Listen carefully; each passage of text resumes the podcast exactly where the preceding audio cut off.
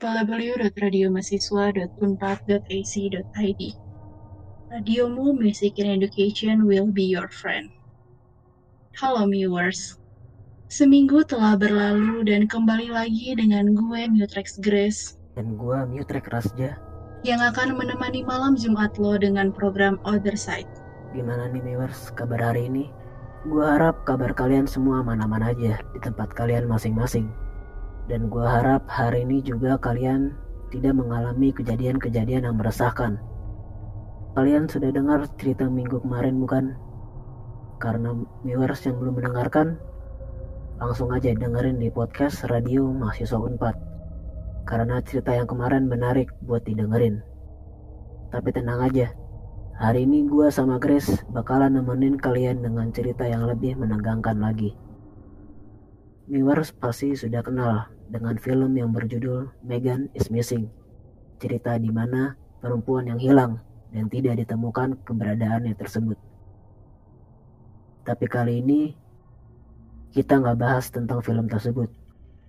Di mana kita akan bahas kasus yang mirip dengan film tersebut dan kasus yang belum pernah terpecahkan sampai sekarang yang bernama The Panama Girls. Kita akan memulai podcast ini dengan memperkenalkan siapa itu The Panama Girls. Mereka berdua adalah so dua orang mahasiswi asal Utrecht, Belanda yang bernama Lizen Frun yang berusia 22 tahun dan Chris Kremers yang berusia 21 tahun. Mereka berdua adalah sahabat karib.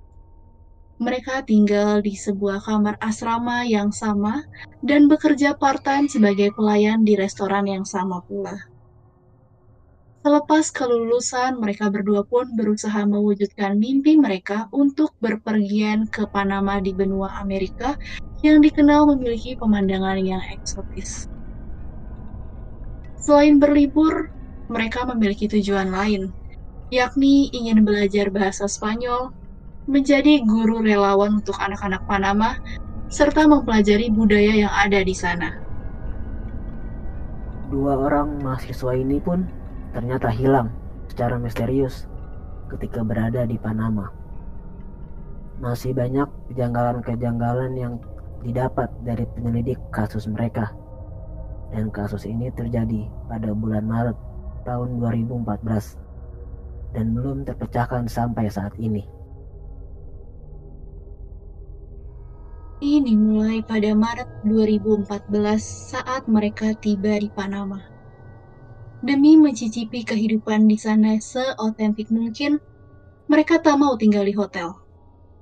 Melainkan mereka mencoba untuk tinggal bersama keluarga lokal di sebuah kota kecil bernama Alto Boquet di Panama yang masih asri dan dikelilingi oleh pegunungan. Pada tanggal 1 April 2014, Chris dan Lizen pamit untuk mendaki bukit yang tak jauh dari tempat mereka tinggal bersama anjing yang bernama Azul yang dimiliki keluarga tempat mereka tinggali. Awalnya nggak ada firasat buruk yang dirasakan oleh keluarga tempat yang mereka tinggali. Namun, kecurigaan mulai muncul ketika anjing mereka pulang tanpa kedua wanita itu. Keluarga tersebut dan orang tua mereka akhirnya menghubungi pihak berwajib. Setelah Chris dan Lizen tak kunjung pulang pada tanggal 6 April 2014. Lalu pencarian besar-besaran dilakukan selama 10 hari lebih. Dan tidak ada tanda-tanda mengenai di mana keberadaan mereka berdua.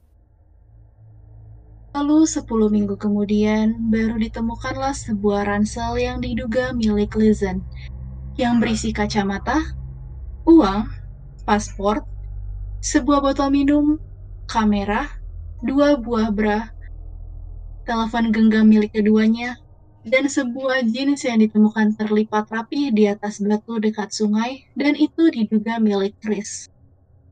Semuanya itu ditemukan dalam keadaan yang sangat rapi. Di dalam kamera yang ditemukan juga terdapat gambar-gambar aneh, seperti gundukan tanah atau gambar pepohonan dari bawah pada malam hari. Hal itu membuat para pencari The Panama Girls menjadi semakin bingung dan tidak dapat menjadi petunjuk pencarian The Panama Girls. bukannya menjadi petunjuk baru. Bahkan, bukti-bukti dan foto-foto terbaru yang ditemukan di telepon genggam dan kamera malah membingungkan keluarga dan pihak berwajib.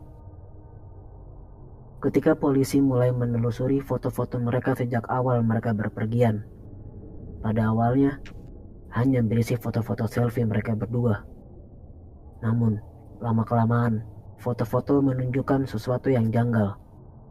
Pihak berwajib menemukan foto-foto yang sulit untuk dijelaskan. Dan juga ditemukan bahwa mereka mencoba mencari bantuan dengan menelpon 911, tetapi tidak tersambung karena mereka berada di tengah hutan. Dan dua bulan setelah ransel itu ditemukan, polisi menemukan tulang belulang manusia dan sepatu boot yang masih berisi kaki. Yang kemudian setelah diidentifikasi, ternyata kaki tersebut milik Chris dan Lizaine. Ada beberapa teori terkait kasus ini. Ada yang mengatakan mereka meninggal karena kecelakaan pendakian entah itu tersesat atau jatuh ke jurang. Ada pula yang mengatakan bahwa mereka diterkam binatang buas di hutan. Namun, menurut kita itu adalah teori yang tidak masuk akal. Karena ketika barang-barang mereka ditemukan 10 minggu kemudian setelah menghilang, itu masih dalam kondisi yang sangat rapi. Ada pula yang mengatakan sebagai pembunuhan berencana. Itu didukung oleh beberapa fakta seperti seorang anonim yang mengatakan bahwa Lizen dan Chris sempat bertemu dengan dua orang pria dan makan bersama di sebuah kafe di kota Altoboket. Dan teori terakhir ada yang mengatakan bahwa mereka dijadikan persembahan oleh suku lokal setempat. Hal ini juga didukung oleh fakta yaitu berupa potongan kaki yang ditemukan potong secara rapih dan juga beberapa waktu sebelumnya ditemukan pula tujuh mayat di dalam hutan. Dari teori-teori tadi, manakah teori yang menurut viewers paling masuk akal? Kecelakaan pendakian, diterkam binatang buas, pembunuhan berencana, persembahan oleh warga lokal, atau viewers punya teori yang lebih masuk akal lagi. Langsung saja tulis di kolom komentar dengan teori-teori viewers. Sampai di sini cerita untuk menemani malam Jumat kalian hari ini. Stay tune terus di radiomu pada program Underside dengan cerita-cerita menegangkan lainnya dan program-program menarik lainnya. Sampai bertemu di malam Jumat, malam Jumat berikutnya. Radiomu, stay young and free.